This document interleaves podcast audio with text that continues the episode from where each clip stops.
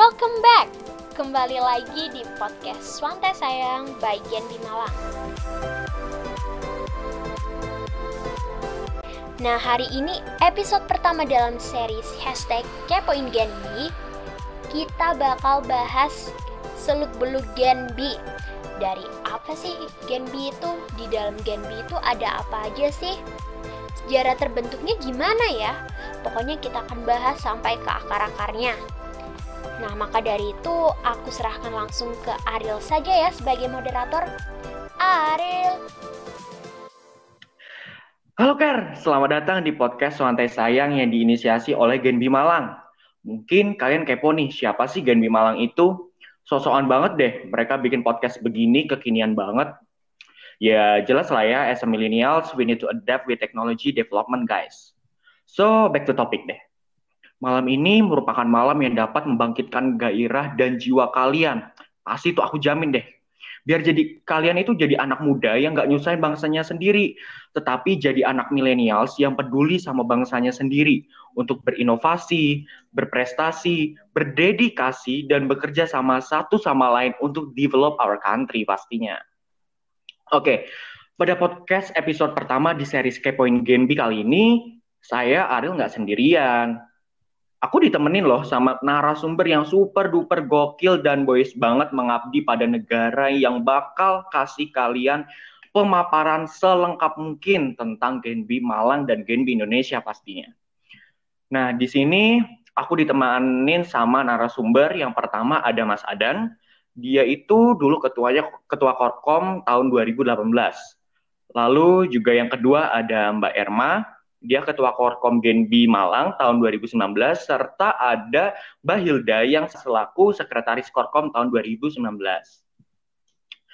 Oke, pasti kalian nggak tahan sama omongan aku kan ya. Jadi langsung aja deh, gas kita mulai podcast kali ini. Kalau sabi sih kalian catet deh ya podcast kali ini di hati kalian. Eh, tunggu tunggu, kok di hati sih? Di di kertas gitu deh, biar selalu teringat gitu dan di, di pikiran kalian gitu. Jangan sampai ketiduran dan jangan sampai melewatkan 0, sekian 0,00001 detik dari podcast ini yang dapat nemenin kalian dari the self quarantine yang sedang kita hadapi sekarang ini. Oke, untuk yang pertama nih, uh, mungkin dari Mas Adan dan juga Mbak Erma bisa nggak sih kayak kasih penjelasan gitu apa sih komunitas generasi baru Indonesia atau Gen B Gen B gitu kok Gen B gitu. Gimana? Iya nih Mbak, kayak apa ya orang itu Gen B, Gen B itu apa sih generasi Bank Indonesia apa gimana sih Mbak gitu? Oke, aku mau mau menyapa teman-teman nih yang dengerin kita hari ini. Terima kasih ya dan untuk kalian yang mendengarkan pada hari kalian mendengarkan, semoga hari kalian menyenangkan ya. Yuhu. Ya, kali ini uh, barengan kita di sini akan sharing barengan kamu juga yang akan membahas beberapa pertanyaan-pertanyaan juga ya yang umum yang sering banget ditanyain sama teman-teman Genbi, khususnya teman-teman yang ada di Malang ya, Korkom Malang. Nah untuk uh, yang pertanyaan apa itu Genbi, sebenarnya kita udah pernah nyinggung sih. Uh, kalau misalnya kalian lihat uh, live Instagram untuk penerimaan beasiswa, teman-teman yang kepo tentang penerimaan beasiswa kita udah pernah nyinggung hal itu. Apa itu Genbi? Genbi adalah generasi baru Indonesia, bukan Bank Indonesia ya. Ya, oh, ya. jadi bukan Bank Indonesia ya, Mbak ya? bukan, walaupun memang kita di bawah naungan dari Bank Indonesia, tapi sebenarnya generasi baru Indonesia. Kita dengan tujuan uh, bahwa yang dilahirkan dari Genbi ini adalah orang-orang baru yang akan menjadi pemimpin baru di Indonesia nantinya. Dan, Wah, mantep banget tuh ya Mbak ya, jadi pemimpin baru ya Mbak. Pemimpin baru dan generasi memberikan kemanfaatan yang tentunya bagi masyarakat luas ya. Oke, berarti itu Genbi itu uh, dia tuh sebagai komunitas atau organisasi sih Mbak bentuknya? Seperti apa Pak? Komunitas ya? Ya. Nah, sebelumnya gini, uh, Genbi itu adalah komunitas. Nah, kita itu juga uh, berbeda dengan organisasi. Kenapa? Karena memang kalau organisasi kan punya ADART, kemudian punya uh, pola kepengurusan dan seterusnya yang itu mungkin agak dikatakan saklek ya namanya organisasi. Nah, tapi kalau di kita di Genbi itu kita komunitas yang disatukan dengan satu kondisi kayak gitu. Nah, uh, di Genbi sendiri juga kita itu berbentuk komunitas yang lahir karena kita peduli pada negeri kayak gitu. Selain memang kita di, didasari pada penerima beasiswanya Bank Indonesia, tapi di sini kita dibentuk untuk mempunyai jiwa sosial. Jadi Genbi itu adalah komunitas sosial yang bergerak untuk membangun bangsa, membangun negeri ini melalui generasi-generasi muda yang disebut generasi baru Indonesia. Oke, itu bagus banget nggak sih guys? Kalau misalkan Genbi itu tujuannya untuk membangun negara juga gitu loh.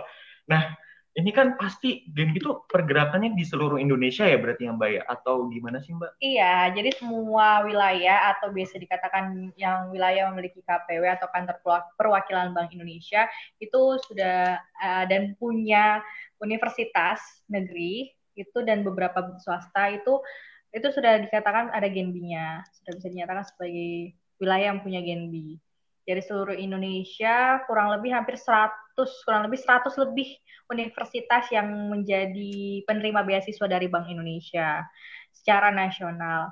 Jadi memang Genbi itu terbentuk dengan dari gugusan dari orang-orang penerima beasiswa dari Bank Indonesia. Jadi secara langsung, secara otomatis dia akan menjadi generasi baru Indonesia atau menjadi Genbi. Wah berarti jumlahnya itu anaknya tuh banyak banget bisa ribuan kali ya Mbak ya? lebih ya kalau sudah puluhan ribu puluhan ribu yang, Tuh. yang dilahirkan dari Genbi Tuh, teman-teman, itu puluhan ribu itu mungkin bisa dalam satu kali penerimaan ya, Mbak ya. Mungkin kalau udah dari alumninya tuh berarti udah banyak banget, guys, gitu. Ya, sudah banyak banget karena uh, di Genbi sendiri itu kita dulu ber, awalnya terbentuk itu di tahun 2011. Nah, tahun 2011 ini itu hanya ada delapan universitas yang tergabung dalam Genbi.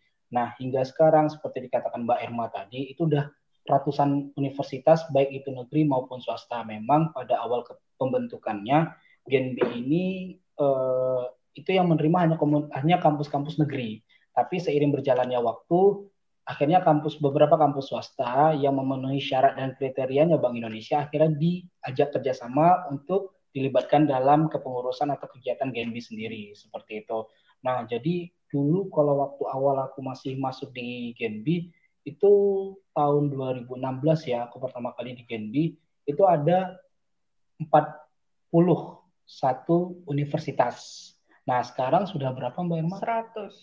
Per universitasnya? Oh, yang per, universitas, iya. per universitasnya itu sekarang 75 nah, untuk tahun 2020. Berkembang. Mulai dari 2016 sampai 2020 sudah ada kenaikan, kenaikan. jumlah, jumlah penerimanya per universitas, per universitas. Ya, per universitas.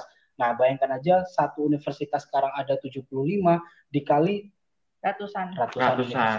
Jadi bisa kebayang komunitas ini komunitas terbesar guys di Indonesia gitu. Nah, eh, kalau di Malang sendiri itu ada sejarahnya khusus nggak sih Mas? Kalau Genbi Malang itu terbentuknya gimana sih? Apakah dulu sebelumnya itu ada Genbi masing-masing univ kayak gitu? Ya, jadi begini, uh, di Malang sendiri itu ada tiga universitas yang menerima uh, beasiswa Bank Indonesia yang kemudian kita dibentuk menjadi Genbi.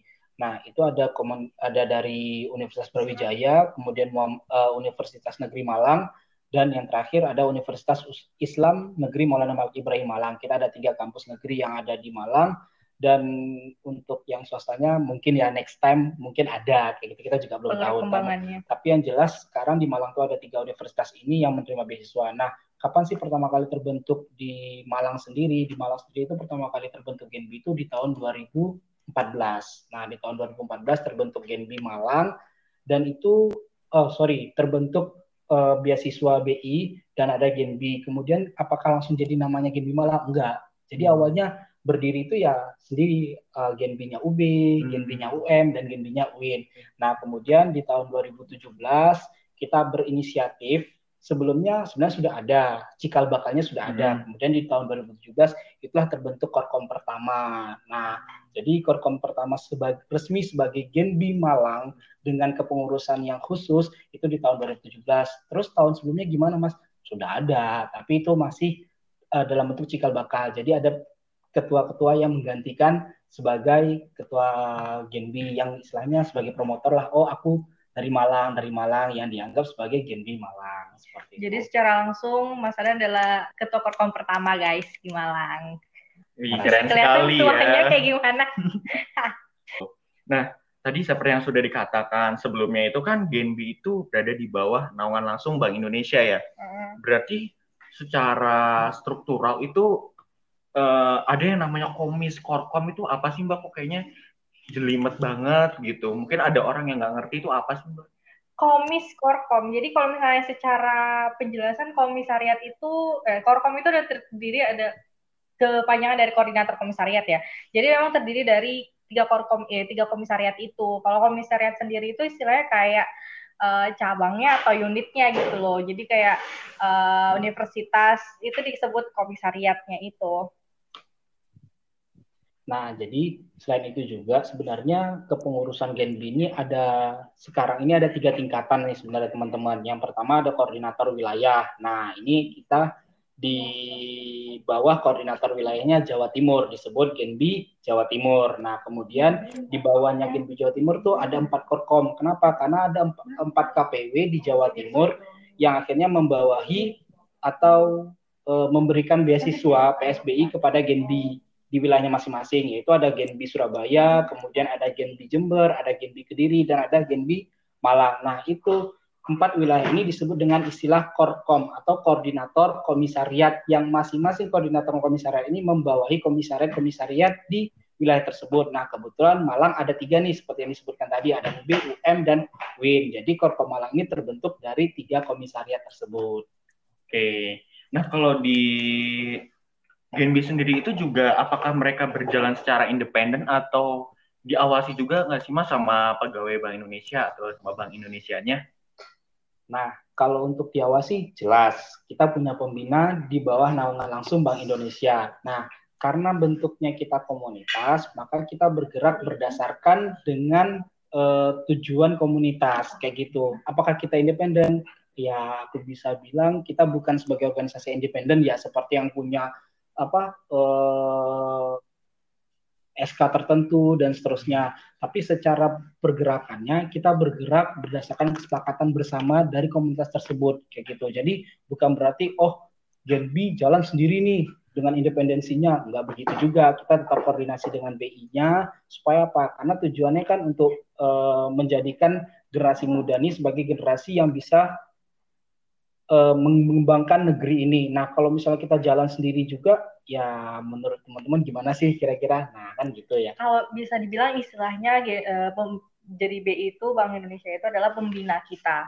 Jadi beliau-beliau itu adalah selaku pembina yang akan membina kita, mengarahkan, memberikan uh, panduannya dan arahannya terkait dengan uh, pergerakan dari Genbi itu.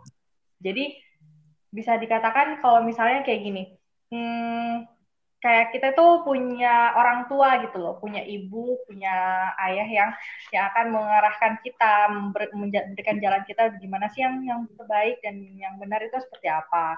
Oh, uh, jadi kayak teman-teman di game ini sebagai anak yang perlu diarahkan, dibimbing dan tentunya akan di-sharekan pengalaman-pengalaman dari beliau-beliau yang ada di Bank Indonesia.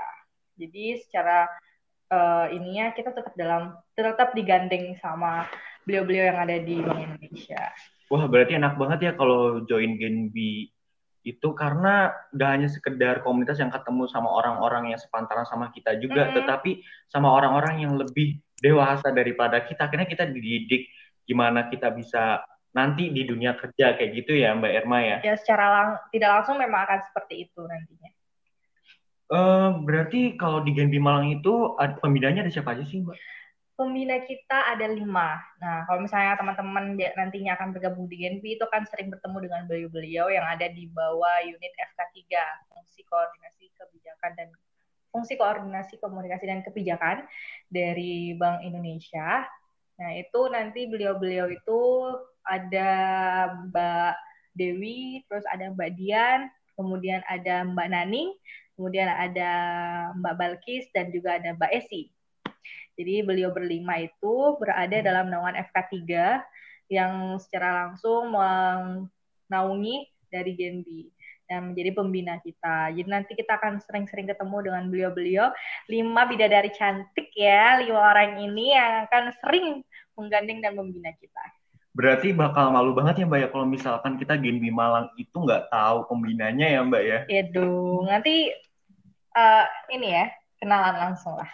Oke, jadi nggak ada lah alasan itu siapa sih, itu siapa sih ya Mbak ya gitu ya. Mbak? Kalau misalnya pas wawancara kalian kalian itu pasti udah ketemu lah dengan salah, salah satu atau dua orang dari Betul beliau. banget. Oh iya Mas, Eh, yang tergabung di Genbi ini kan merupakan mahasiswa ya, yang pasti mereka memiliki peran masing-masing gitu. Nah, peran anak Genbi sendiri untuk mencapai tujuan yang dari dan ditetapkan oleh komunitas Genbi ini apa sih Mas sebenarnya? Nah, sebenarnya begini teman-teman. Kalau bicara tujuan, maka kita akan nanti kembali pada visi dan misi ya, kayak gitu. Tapi aku akan kasih gambaran singkatnya saja, biar nggak terlalu lama juga dan ngena ke teman-teman. Yang pertama itu frontliner. Kita tuh sebagai barisan terdepan. Nah, barisan terdepan ini fungsinya apa sih? Ya, gampangannya aja, minimal nih kita bisa ngasih tahu ke khalayak ramai, ke teman-teman kita, ke saudara kita, kolega kita, dan seterusnya fungsinya Bank Indonesia, kemudian minimal sedikit-sedikit lah tentang perekonomian kayak gitu. Walaupun mungkin di antara teman-teman Genbi nggak semuanya nih yang anak ekonomi, tapi setidaknya karena ekonomi ini menyangkut dengan hajat orang banyak ya. Nah, minimal sedikit banyaknya tahu tentang pergerakan ekonomi. Itu sebagai frontlinernya dan juga apakah uh, serta merta tentang BI mulu? Nggak juga guys kayak gitu. Kenapa? Karena memang yang akan kita sampaikan itu juga bukan sekedar hal itu. Karena sekali lagi kita membangun generasi nih membangun negeri. Nah kalau kita misalnya membangun negeri maka banyak hal yang bisa kita sampaikan sebagai fungsi frontliner tadi. Nah yang kedua ada agent of change. Nah agent of change ini untuk apa sih? Kita diharapkan sebenarnya untuk merubah ya suatu dari yang belum baik menjadi lebih baik seperti itulah lebih kurangnya. Tapi apakah uh, gimana sih cara kita nggak bakal ngerubahnya? Nah, ngerubahnya nanti kita akan bareng-bareng, kita bisa ngadakan kegiatan. Contohnya nih, yang sudah diadakan teman-teman, kita dulu pernah ngadain uh, bersih-bersih pantai, kemudian bersih-bersih sungai, dan itu apakah yang bergerak hanya teman Genbi? Enggak.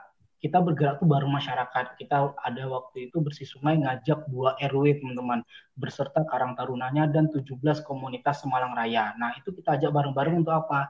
Untuk ikut serta membersihkan sungai yang ada salah satu sungai anak sungai yang ada di Malang. Nah, fungsinya apa sih? Karena ya sungainya itu memang dalam kondisi yang mungkin kurang baik ya, ya katakanlah kayak all shop, salah satu all shop yang di situ semua jenis barang terdapat, tapi kita bareng-bareng nih ngajak masyarakat, ayo kita bersihkan bareng-bareng kayak gitu. Nah, dari situ ketika sungainya telah bersih, kemudian dirawat, maka kita akan jadi salah satu agen of change tersebut. Nah, itu contoh kecil yang sudah kita lakukan dan banyak hal lainnya yang bisa kita lakukan bareng-bareng di Genbi tentunya. Nah, terus yang ketiga sebagai future leader. Nah, kita juga diharapkan nih sebagai pemimpin di masa depan nanti. Kenapa? Karena kalau misalnya teman-teman di Genbi, oke lah sekarang aku kondisi uh, statusku cuman anggota nih atau statusku cuman ya butiran debu lah di Genbi. It's okay, no problem kayak gitu. Karena yang yang kita tuju itu bukan oh aku harus jadi ini baru jadi future leader. No guys, kayak gitu. Karena leader itu bukan pada posisi, tapi leader itu ada pada sikapmu, ada pada pola pikirmu, ada dari cara kamu untuk melakukan sesuatu dan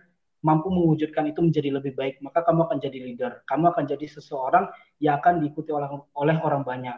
Jadi, oh aku jadi ketua Genbi, Korkom Malang, apakah aku sudah menjadi leader? Belum tentu jika seandainya kamu tidak melakukan apa-apa. Karena sekali lagi, leader bukan terletak pada jabatan, tapi pada hati setiap orang yang mengikuti kamu. Wah, gila, keren banget tuh. Quotes of the day. Quotes of the day banget nih, teman-teman. Bisa dicatat di notebook kalian atau di hati kalian gitu. Nah, jadi nggak ada lagi deh anak Genbi yang nggak uh, tahu ataupun nanya seperti ini Duh, berarti di Bank Indonesia itu bisa nabung ya, Mbak ya? Astagfirullahaladzim. Aduh, itu sesuatu yang kalian harus jauh-jauh ya. Kalau sampai ada anak Genbi yang ngomong kayak gitu. Oke, okay, Mbak. Cabut beasiswanya. Oke. Okay.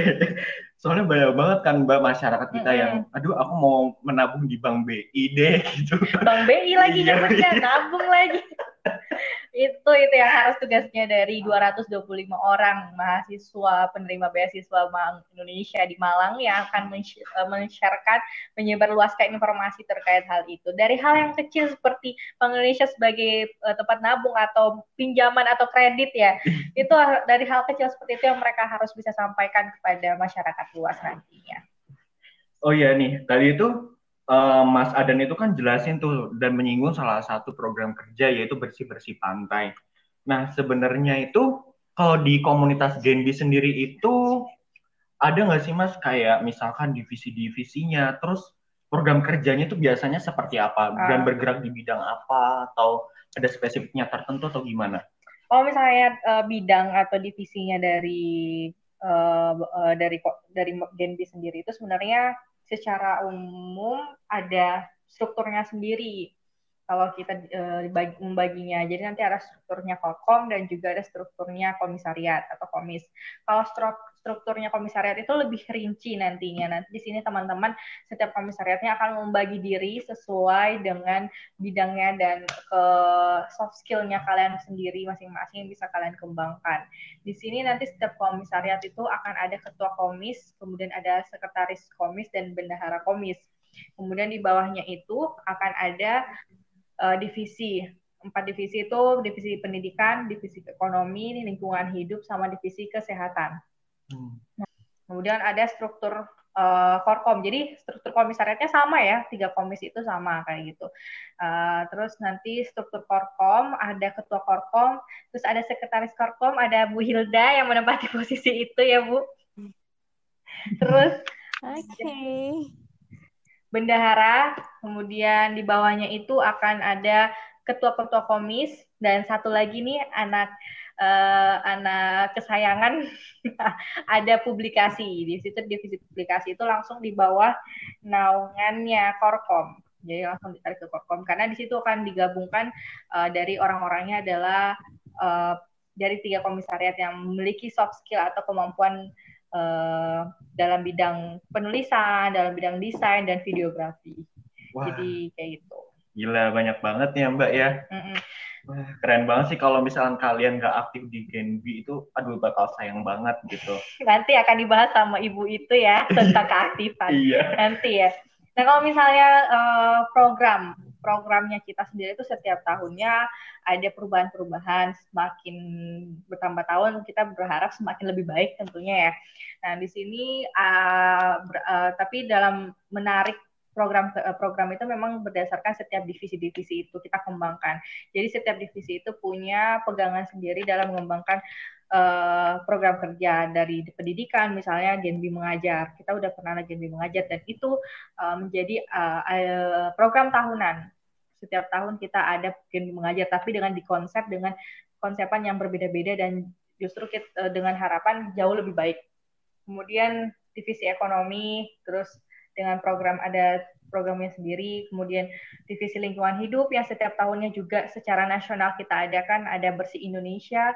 Nah, itu seluruh Indonesia, Genbi seluruh Indonesia atau Genbi nasional juga punya program itu Bersih Indonesia dengan konsepan setiap tahun yang berbeda-beda. Tahun sebelumnya kita membuat tempat pariwisata yang ada di kayu tangan. Bukan membuat sih, kita lebih ke mengembangkan fasilitas-fasilitas di sana dan sebagainya. Terus tahun ini, uh, kemarin barusan kita ke pantai dengan menanam mangrove kemarin kan ya. Di tiga warna ya Mbak ya? Betul. Dan next tahun depan kita nggak tahu ya. Nggak tahu. Gimana. Nantikan saja. Kayak gitu. Dan masih banyak lagi program kerjanya dari Genbi dan itu uh, semuanya ber, bergerak di bidang yang memang uh, sosial dasarnya. Jadi kita semuanya adalah program sosial semuanya. Kayak gitu. Berarti kalau misalkan program kerja seperti perkumpulan di tingkat wilayah atau di tingkat nasional itu ada nggak sih Mbak sebenarnya? Perkumpulan? Iya. Kalau nah, gini, kalau dibilang perkumpulan bukan ya? kita itu bukan bukan perkumpulan sih istilahnya tapi mm -hmm. kita uh, lebih mengenalkan diri kita sebagai Genbi Nusantara. Nah seperti itu. Kenapa? Karena memang mulai dari Sabang sampai Merauke kita ada Genbi nih. Ada Genbi secara nasional atau kita kenalkan dengan istilah Genbi Senusantara. Nah di Genbi Senusantara ini kita juga punya kegiatan-kegiatan yang sifatnya nasional maupun wilayah terlepas itu dari Korkom sendiri ya kayak gitu. Jadi kalau misalnya secara nasional nih kita punya LC nasional. Nah, itu dihadiri oleh Genbi seluruh Indonesia. Indonesia kayak gitu. Jadi Senusantara hadir menghadiri kegiatan yang disebut leadership camp atau disingkat dengan LC tadi. Nah, uh, itu untuk belajar. Kita menimba ilmu di sana untuk mendidik atau apa ya lebih tepatnya menempa menempa jiwa kepemimpinan atau leadershipnya kita supaya ketika kita kembali ke wilayahnya masing-masing itu punya jiwa leadership yang baiklah yang efektif untuk diterapkan. Tapi sekali lagi namanya itu adalah ajang nasional nah ini tentunya akan terjadi yang namanya perwakilan. Berarti akan ada sayembara atau kompetisi sehingga kamu dikatakan layak atau tidak untuk berangkat ke ajang nasional tersebut. Nah, itu yang pertama. Yang kedua ada namanya ISEF. Nah, ISEF ini ini adalah Indonesia Syariah Economic Festival yang setiap tahunnya diadakan. Nah, beberapa tahun sebelumnya itu diadakan di Surabaya. Hanya saja di tahun kemarin aku baru dengar katanya diadakan di Jakarta. Nah, ini ya lebih kurang kita juga belajar sih bareng-bareng. Nah, kebetulan aku juga peserta ISEF di tahun 2018. Sorry, 2017. Nah, di tahun 2017 ini itu kita belajar bareng-bareng senasional juga. Hanya ada satu perwakilan seluruh wilayah. Dan kebetulan waktu itu Malang hmm, ada tiga sih. Jadi waktu itu satu universitas ada satu perwakilan. Nah, kemudian di sini kita belajar dan kita ikut seminar internasional teman-teman. Jadi kita belajar tentang perekonomian bergerak perekonom, eh, bergeraknya perekonomian Islam seperti itu sih. Tapi bukan serta merta ini tentang agama loh ya, bukan. Tapi ini menggerakkan ekonomi secara syariah lebih tepatnya seperti itu. Nah, juga di sini di acara ISEF ini juga nggak kalah serunya sama acara LC. Kenapa? Karena di sini nanti kita akan ketemu dengan orang-orang atau tokoh-tokoh besarnya Indonesia mulai dari ekonomi ekonomi Muslim Indonesia saat itu juga ada Bapak Adi Warman Karim kayak gitu sebagai salah satu ekonom Muslim Indonesia. Nah juga nanti waktu waktu itu juga diresmikan waktu tahunku ikut itu diresmikan oleh Bapak Yusuf Kala yang waktu itu menjabat sebagai wakil presiden. Kemudian juga ada banyak artis-artis Indonesia yang juga ikut dan juga ada uh, ya ada Zaskia Sunkar dan lain-lainnya kayak gitu. Nah itu ada salah satu feedback yang teman-teman terima. Tapi tentunya untuk mencapai itu ya kembalikan ke dirimu. Seperti apa kualitasmu untuk dikatakan layak kamu ikut ajang-ajang nasional tersebut. Nah, kemudian di ajang uh, di kegiatan wilayah nih kita juga ada namanya LC Jatim. Kemudian uh, di LC Jatim ini ya lebih kurang kegiatannya sama seperti di LC nasional, hanya saja ini diikuti oleh wilayah. Nah, Jawa Timur itu ada empat korkom seperti yang sudah disebutkan di sebelumnya tadi ada ada Korkom Surabaya, Genbi Korkom Surabaya, Genbi Korkom Jember, kemudian Genbi Korkom Kediri dan Genbi Korkom Malang. Nah, ini akan diikuti oleh empat wilayah ini jadi satu yang disebut namanya LC Jatim kayak gitu. Nah, di Jatim sendiri juga punya kegiatan-kegiatan lainnya dan ada beberapa kegiatannya yang memang setiap tahun itu ada berubah. Tapi pada dasarnya LC Jatim ini itu hampir setiap tahun kita adakan terus sampai tahun kemarin. Nah, untuk kegiatan lainnya apa? Ada kayak kegiatan kepenulisan, pelatihan UMKM, dan itu nanti menyesuaikan uh, kegiatan setahun berjalannya. Karena itu kan menyesuaikan kebutuhan juga seperti itu. Tapi yang jelas, untuk mencapai hal-hal tersebut, tanyakan kembali kualitasmu layak atau tidak untuk mengikuti ini. Karena ini bukan sekedar komunitas, ini ibaratkan tempat kamu menempa dirimu. Ini jadi wadah kamu untuk menempa dirimu sebagai seorang yang punya kualitas, sebagai seseorang yang punya nilai. Karena pedang itu tidak akan menjadi tajam tanpa bara api yang panas. Seperti itu. Lagi-lagi itu kan dengar quotes menarik dari Mas Adan, teman-teman. Jadi kalau kalian pengen ketemu jodoh kalian nih dari daerah lain bisa banget tuh kalian ikut LC nasional bener nggak Boleh. Kayaknya yang gitu jangan diajarkan deh ya. harus diturunkan dong. Iya, jadi biar tidak menjomblo ya mbak. Ah, Kalau LC itu leadership camp, jangan oh. long camp ya. Sorry, tolong. Oke. Okay. Jadi kayak uh, gitu. Jadi memang Genbi memang uh, hadir untuk membantu teman-teman dalam perekonomian untuk membantu perkuliahan, tapi juga mengembangkan soft skill dari teman-teman tentunya. Nanti setiap kalian yang punya uh, uh, perkembangan misalnya dalam artian ingin mengembangkan diri jangan malu jangan kayak berdiam diri tapi di sini memang kalian punya wadah kalian punya tempat yang bagus dan sangat perlu kalian manfaatkan hal-hal yang seperti ini. Jangan sampai kalian itu tidak melihat apa melewatkan momen-momen yang penting dan juga sangat bermanfaat gitu. Justru di situ teman-teman semua kalau itu kita sebagai penerima beasiswa Bank Indonesia itu menerima nggak hanya sebesar nominal yang ditentukan yeah. ya, justru yang mahal itu pengalaman dan juga kualitas yang udah bisa kita kembangkan di Genbi gitu. Berarti kalau di Genbi sendiri itu program kerjanya nggak hanya program kerja sendiri juga ya Mbak ya? Iya. Kalau misalkan ada kegiatan Bank Indonesia juga kita bisa juga ikut kan ya Mbak? Ngomong-ngomongin masalah program kerja atau kegiatannya Genbi itu ber, bergerak seperti apa, sebenarnya Genbi itu e, punya tiga jenis kegiatan. Ada yang namanya uh, yang pertama partisipan, kemudian sinergi, terus yang ketiga ada inisiasi. Nah, dari ketiga ini uh, sebenarnya pada dasarnya uh, program program kita itu dibentuk juga uh, dari inisiasi sebenarnya. Jadi kalau program kerjanya Genbi yang tadi kita udah sebutin kayak Genbi mengajar, terus uh, beberapa kegiatan-kegiatan itu uh, lahirnya dari program kerja divisi-divisi itu kita sebutnya inisiasi karena memang lahirnya dari inisiatif kita dari setiap uh, anggota Genbi. Kalau partisipan itu lebih kepada uh, kita ber, mm, bergeraknya itu partisipan banyak jenis sih. Kalau misalnya partisipan itu bisa dalam hal misalnya Genbi uh, berga, bergabung atau melakukan kerjasama dengan uh, beberapa komunitas.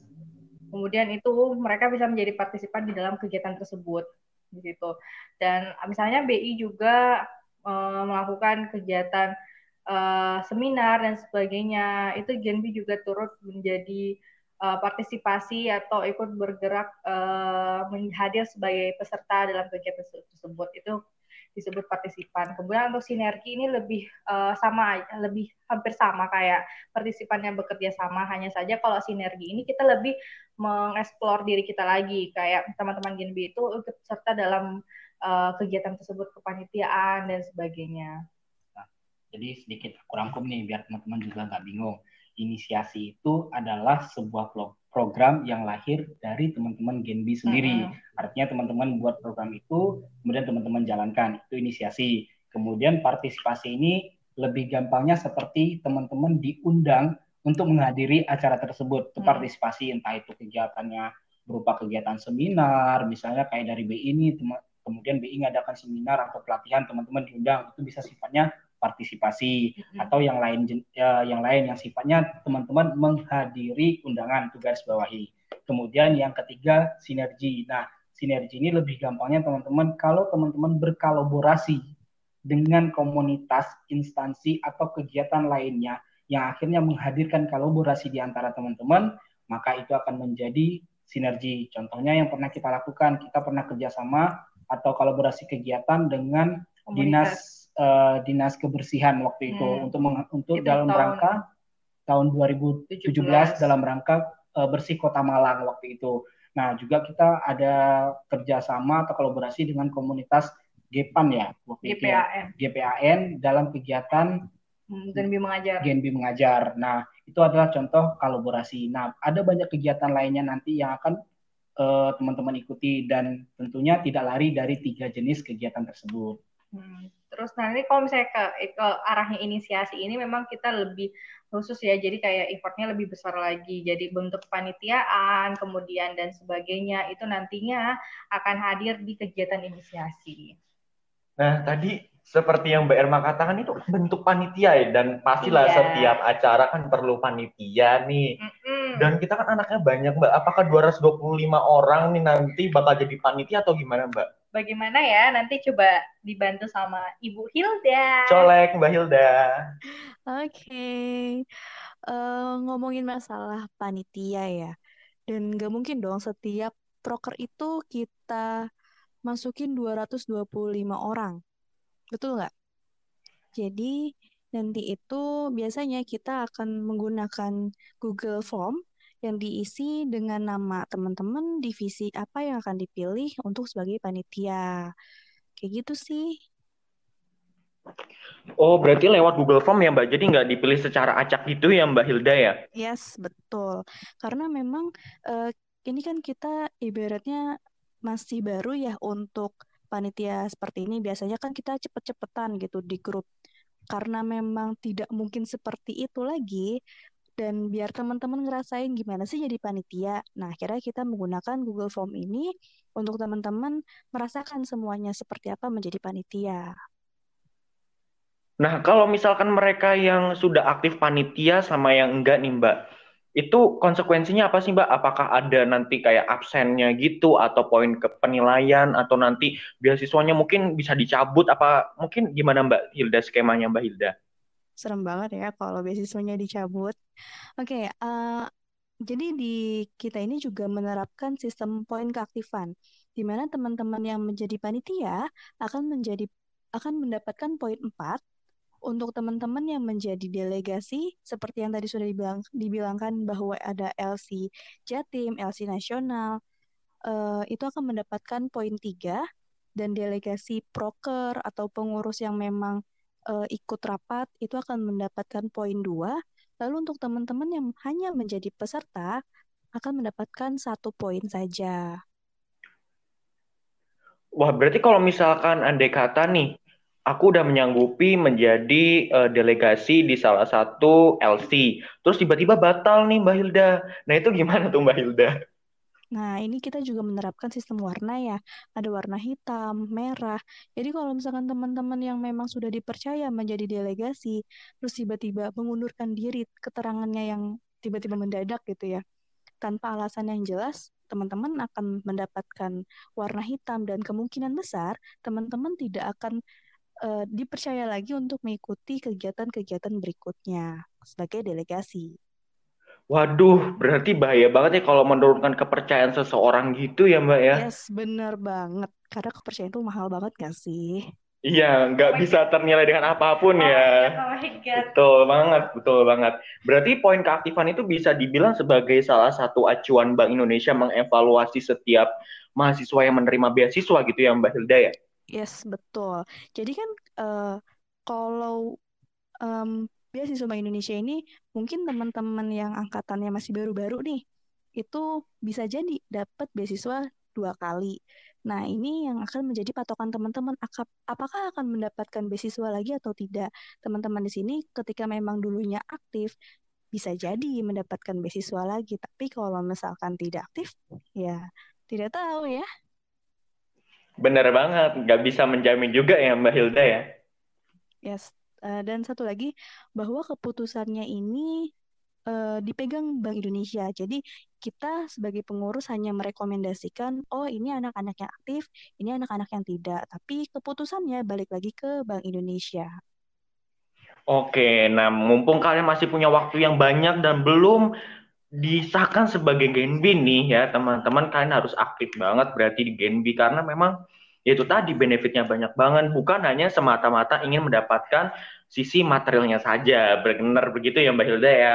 Yes benar banget. Terus kalau misalkan ini Mbak Hilda aduh IPK aku turun nih IP-nya turun nih kira-kira bakal dicabut juga nggak nih beasiswanya? Nah, ini ada beberapa hal yang memang menjadi penilaian. Akan akankah teman-teman mendapatkan beasiswa lagi atau enggak untuk semester selanjutnya ya? Karena kan pemberian uh, beasiswanya ini kan satu semester sekali.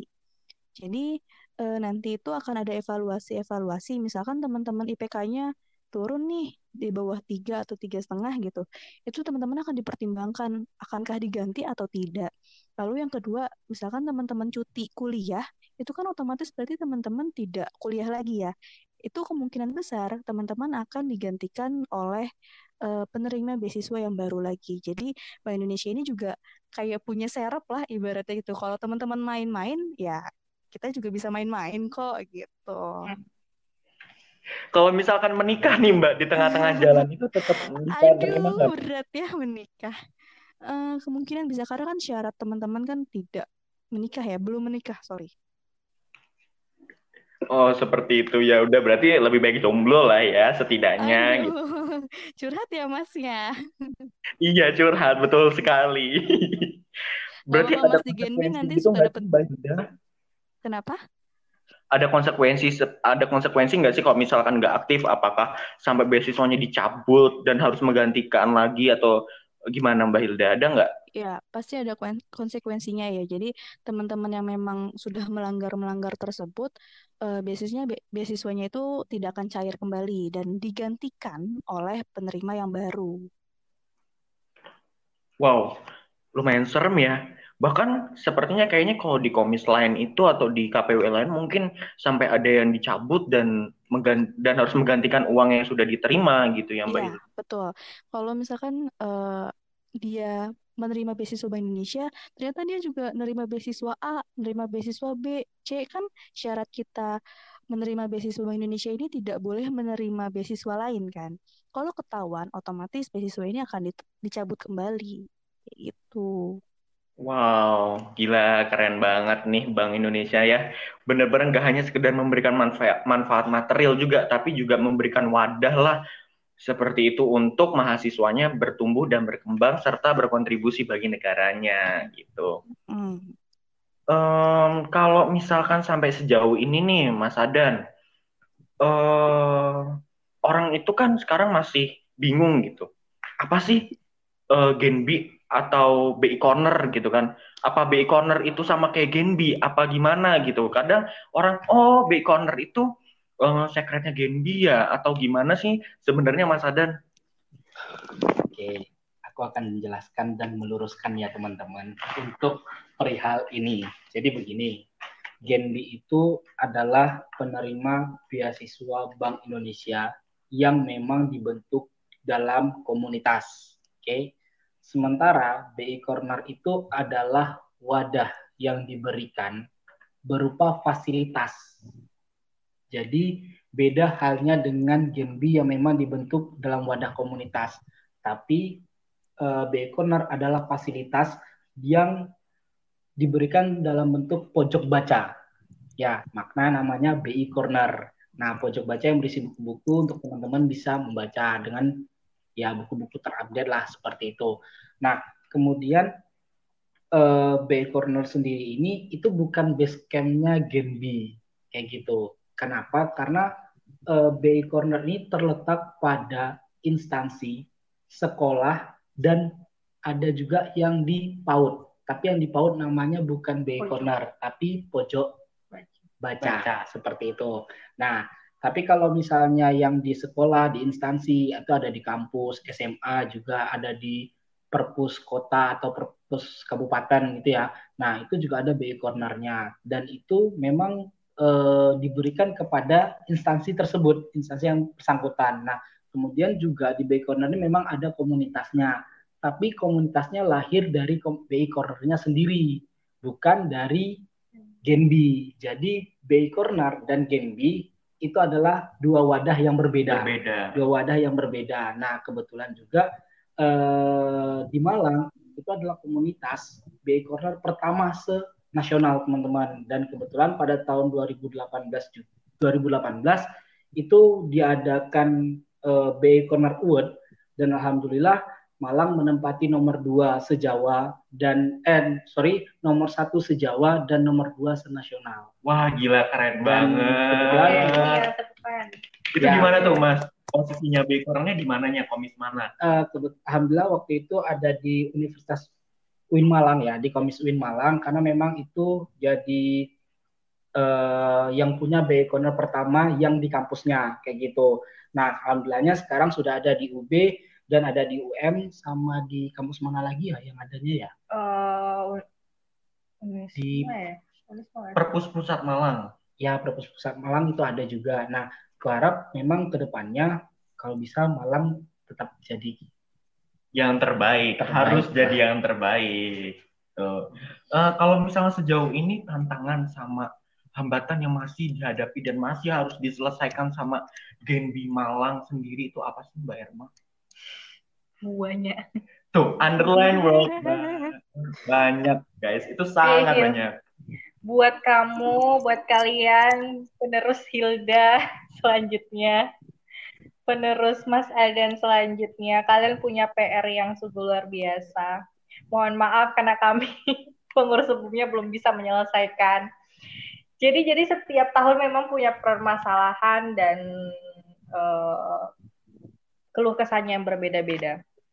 Jadi kalau misalnya dibilang hambatan dan tantangannya, kalau tantangannya itu sebenarnya banyak sih, karena kita apalagi semakin bertambah orangnya. Sebenarnya inti permasalahan setiap tahunnya adalah ada di SDM-nya, dari SDM-nya teman-teman. Kita punya wadah yang udah luar biasa banget. Ada Bank Indonesia, kemudian dengan berbagai peluang-peluang yang luar biasa juga yang diberikan untuk memberikan mengembangkan soft skill diri, kemudian um, membantu sosial atau kegiatan sosial lainnya itu semuanya adalah sebenarnya bisa jadi bumerang dan juga jadi tantangan kita ketika kita tidak bisa memanfaatkannya dengan baik. Jadi uh, dengan harapan hal-hal yang seperti ini, hal-hal baik yang lahir seperti ini itu jatuh dan dikelola oleh orang-orang yang baik juga, orang-orang yang uh, punya ide-ide keren, terus bisa mengembangkannya juga dengan uh, cerdas dan juga cermat gitu loh. Uh, di sini tantangan dan hambatannya memang terletak di, uh, di mana adalah seringnya terjadi uh, miskomunikasi, kesalahpahaman di situ, terus juga SDM-nya yang tidak mau uh, mengembangkan dirinya kayak gitu, membatasi diri. Jadi kayak kayak tidak ada dorongan dan motivasi dan kesibukan yang masing-masing. Itu sebenarnya jadi hambatan juga sih yang masih menjadi problem saat sampai saat ini. Karena nggak ada kesadaran diri dari teman-teman Gen B-nya. Jadi gitu. Jadi kayak aku tuh pengennya aku pribadi sebenarnya uh, juga pengennya itu teman-teman yang sudah diberikan kemanfaatan yang luar biasa seperti ini jangan sampai kalian lepaskan hal-hal yang seperti ini. Jadi artinya uh, kebuat teman-teman jangan jadi orang-orang yang jangan sampai jadi orang-orang yang tidak punya uh, rasa terima kasih. Artinya uh, ketika kalian uh, melihat walaupun kalian merasa ini nggak terlalu penting buat kalian uh, komunitas ini ada tidak terlalu penting buat kalian dampaknya buat kalian tapi jangan sampai kalian melupakan hal-hal kebaikan lainnya yang sudah pernah diberikan. Jadi uh, sampai saat ini menurutku sih sebenarnya menjadi hambatannya adalah SDM-nya teman-temannya sendiri yang tidak punya kesadaran dalam uh, apalagi mereka tuh nggak belum paham mungkin dengan bahwa Gen B ini adalah landasannya itu dasarnya adalah kegiatan sosial. Jadi kalian ketika mengembangkan program kerja di bidang sosial seperti ini pasti bakalan punya uh, punya kemanfaat jadi orang yang bermanfaat banget dong ya. Jadi kayak aku tuh pengennya teman-teman juga punya kesadaran dalam hal itu jangan sampai kalian udah menjadi menerima uangnya menerima jadi penerima beasiswa jadi jangan sampai kalian hadir untuk Genbi itu hanya untuk karena kalian terbebani karena udah menjadi penerima beasiswa gitu karena uangnya aja. Jadi jangan sampai ada yang termindset seperti itu tapi kalian harus menjadi Genbi yang benar-benar lahir sebagai Genbi yang punya jiwa sosial kayak gitu menurutku itu oh, tantangan sebenarnya tantangannya yang Karena masih belum terselesaikan ya. terselesaikan ya. jangan sampai kalian menjadi hanya sekedar orang yang ya udah kemanfaatannya hanya sekedar nominal, nominal. aja kalau dari Mbak Hilda sendiri ada nggak sih Mbak Hilda Hmm, kalau nanyain tantangan pasti ada lah ya dari tahun ke tahun eh, nggak uh, mungkin kita tuh berjalan dengan lancar gitu. Kita tahu seluk beluknya kayak gimana, tapi pasti ada aja masalahnya. Tapi yang aku tekankan di sini, kayaknya teman-teman memang harus menumbuhkan rasa sosial yang tinggi. Karena ketika teman-teman sudah mempunyai rasa sosial yang tinggi, pasti teman-teman akan tanggung jawab. Tanggung jawab itu sangat-sangat berat. Dan satu lagi, tanggung jawab ini gak hanya di dunia aja, tapi sampai di akhirat. Itu yang benar-benar teman-teman harus pegang. Lalu, eh, jadikan Genbi ini sebagai wadahnya teman-teman untuk meningkatkan prestasinya teman-teman. Dan jangan jadikan Gen B ini sebagai bebannya teman-teman. Tetap enjoy, tetap santuy. Pokoknya nikmatin aja segala perjalanannya. Kayak gitu sih. Oke, berarti ya namanya komunitas, organisasi, dan apa pun yang di dunia tetap aja ada masalah. Tinggal bagaimana kita meminimalisir agar masalah itu tidak terulang lagi di kemudian hari seperti itu. Kalau dari Mas Adan sendiri nih, nah ini uh, pertama kalau misalnya ada satu buah dalam sebuah di pohon ada buahnya. Kemudian apakah dalam satu pohon itu semua buahnya itu akan jadi matang dengan baik? Tentu nggak semuanya kan yang akan jadi matang dengan baik. Pasti ada yang mungkin ada ulatnya, ada yang membusuk karena pohonnya, ada yang belum matang aja udah jatuh dan seterusnya kayak gitu. Yang namanya uh, trouble human itu pasti ada di komunitas, di organisasi atau perkumpulan apa pun itu pasti ada. Nah, kalau misalnya kita ulik lebih dalam, kenapa sih podcast ini dibuat kayak gitu? Ini untuk perpanjang tanganan kita, mulai dari yang mungkin kategorinya mohon maaf agak senior lah ya bukan agak senior sih yang lebih uh, yang sudah lebih dulu merasakan di Genbi seperti itu. Oh, nah, dikira tua, Mas. Aku baru mau ngomong. ya, teman-teman. Jadi ya yang udah berada duluan uh, trouble human itu pasti ada, tapi jangan jadikan itu sebagai suatu uh, acuan bahwa lah itu aja bisa seperti itu. Ya udah aku juga kayak gitu aja deh. Ngapain aku terlalu kerja keras? Ngapain sih aku terlalu uh, istilahnya mungkin dalam bahasa Malang ngoyo atau terlalu sibuk-sibuk? Uh, ya itu kalau teman-teman mau berpikir seperti itu, aku katakan sekarang silakan. Tapi untuk kalian yang serius lanjutkan. Kenapa? Coba kalian pikir. Kalian terima beasiswa, kemudian kalian diberikan wadah. Dari hal, dua hal ini kurang enak apa? Yang pertama. Nah, terus dari dua hal ini kalian diberikan juga uh, kebebasan untuk mengembangkan diri kalian. Coba setelah kalian kuliah, kalian tanyakan sama diri kalian, setelah ini aku mau ke mana? Aku mau jadi apa? Nah, karena kalian sudah diberikan wadah yang tidak semua orang bisa dapatkan wadah ini, bersyukurlah. Itu yang pertama perlu kalian lakukan, bersyukurlah. Terus yang kedua, apa yang harus aku lakukan? Aku harus aktualisasi diriku. Seperti apa, dengan cara apa, temukan di sini. Karena apa? Genbi itu bukan wadah yang saklek yang, oh aku harus gini, aku harus gini. No guys, kayak gitu. Ini bisa berkembang. Gimana cara mengembangkannya? Komunikasi, koordinasi. Dan oke okay, dibilang, uh, dikatakan oleh Mbak Erma tadi dan Mbak Indra tadi, juga perlu penekanan dari diri masing-masing itu jelas motivasi diri itu nomor, nomor satu yang perlu teman-teman utamakan selain tadi teman-teman harus bersyukur teman-teman harus punya motivasi diri. Aku mau jadi apa? Seperti yang aku sudah katakan sebelumnya kalian mengembangkan diri belum bukan berarti kalian harus jadi punya jabatan dulu. Kalian punya jadi orang atasan dulu. Enggak. Dari kecil. Karena orang-orang berhasil itu bukan mereka memulai langsung dari besar. Enggak. Tapi mereka dari kecil mungkin dari hal-hal yang aduh masa sih mereka bisa jadi owner? Kalau misalnya teman-teman lihat YouTube, coba cek. Ada dulu yang jadi cuman cleaning service punya lima perusahaan dan salah satunya adalah perusahaan digital. Itu terjadi kayak gitu. Kenapa? Karena dia juga jadi CS di perusahaan digital.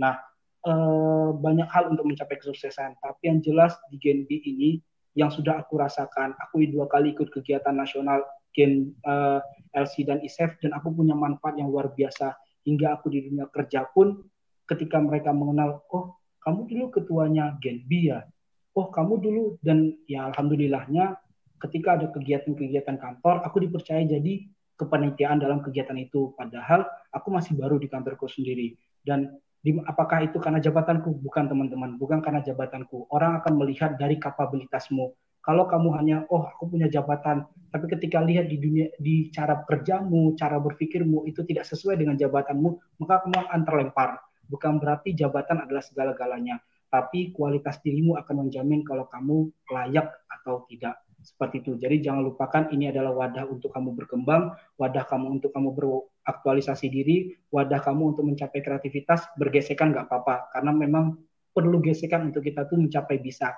Orang yang benar itu karena dia tahu dia salah. Kayak gitu. Nggak ada orang yang selalu benar dan kemudian benar-benar benar-benar terus kapan dia salahnya dia nggak akan tahu. Tapi ketika kalian tahu oh ini salah, maka perbaiki dan perbaiki terus perbaiki dan perbaiki. Maka kalian akan menjadi manusia yang bernilai.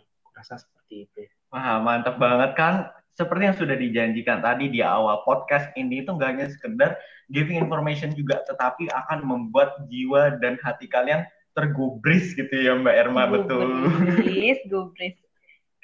Oke okay, um, aku rasa kayaknya nggak perlu deh ya aku sampaikan kesimpulan secara keseluruhannya. Nanti kalian kagak denger lagi isinya, tapi langsung loncat ke kesimpulannya lagi. WK, WK, WK, WK. ya aku sih berharap ya agar apa yang disampaikan oleh Sam dan Bam itu bisa menjadi bahan pembelajaran kita semua bahwa ketika kita sebagai manusia tentunya memiliki tugas yang utama dalam memberikan kebermanfaatan dalam setiap waktu dan sepanjang hidup kita. Kalau Sabi direnungin sih sebenarnya komunitas dan organisasi apa pun itu, di mana pun itu, memiliki dasar esensi yang sama, teman-teman, yaitu meningkatkan kualitas sumber daya manusia yang ada di internalnya maupun kepada masyarakat luas.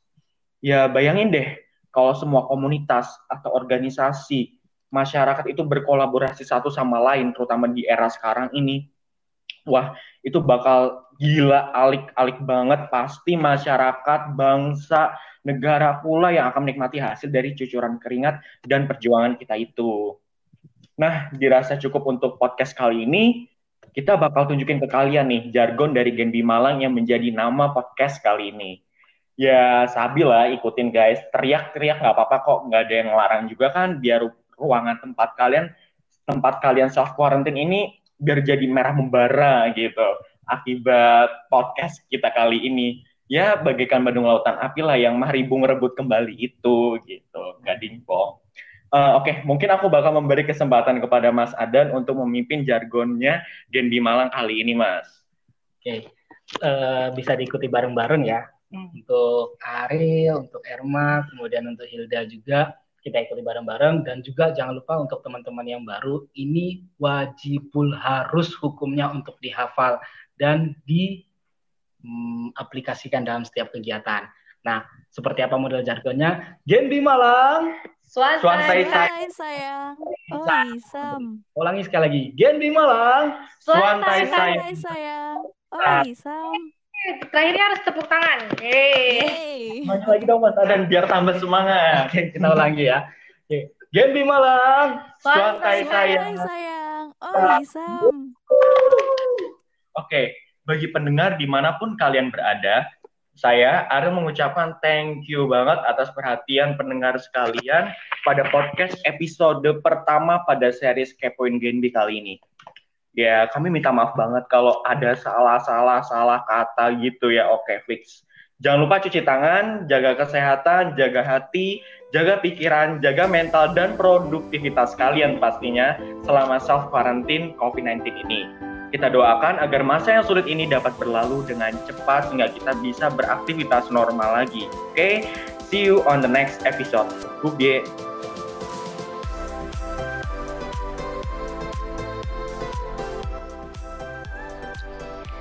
Terima kasih untuk teman-teman semua yang sudah mendengarkan podcast kita hari ini. Nantikan episode berikutnya karena kita akan kembali dengan tema yang pastinya menarik dan bermanfaat. Jaga kesehatan ya teman-teman. Semangat terus. Jangan berhenti ketika lelah, berhentilah ketika selesai. Genbi Malang, Swante sayang, Oh Yisam.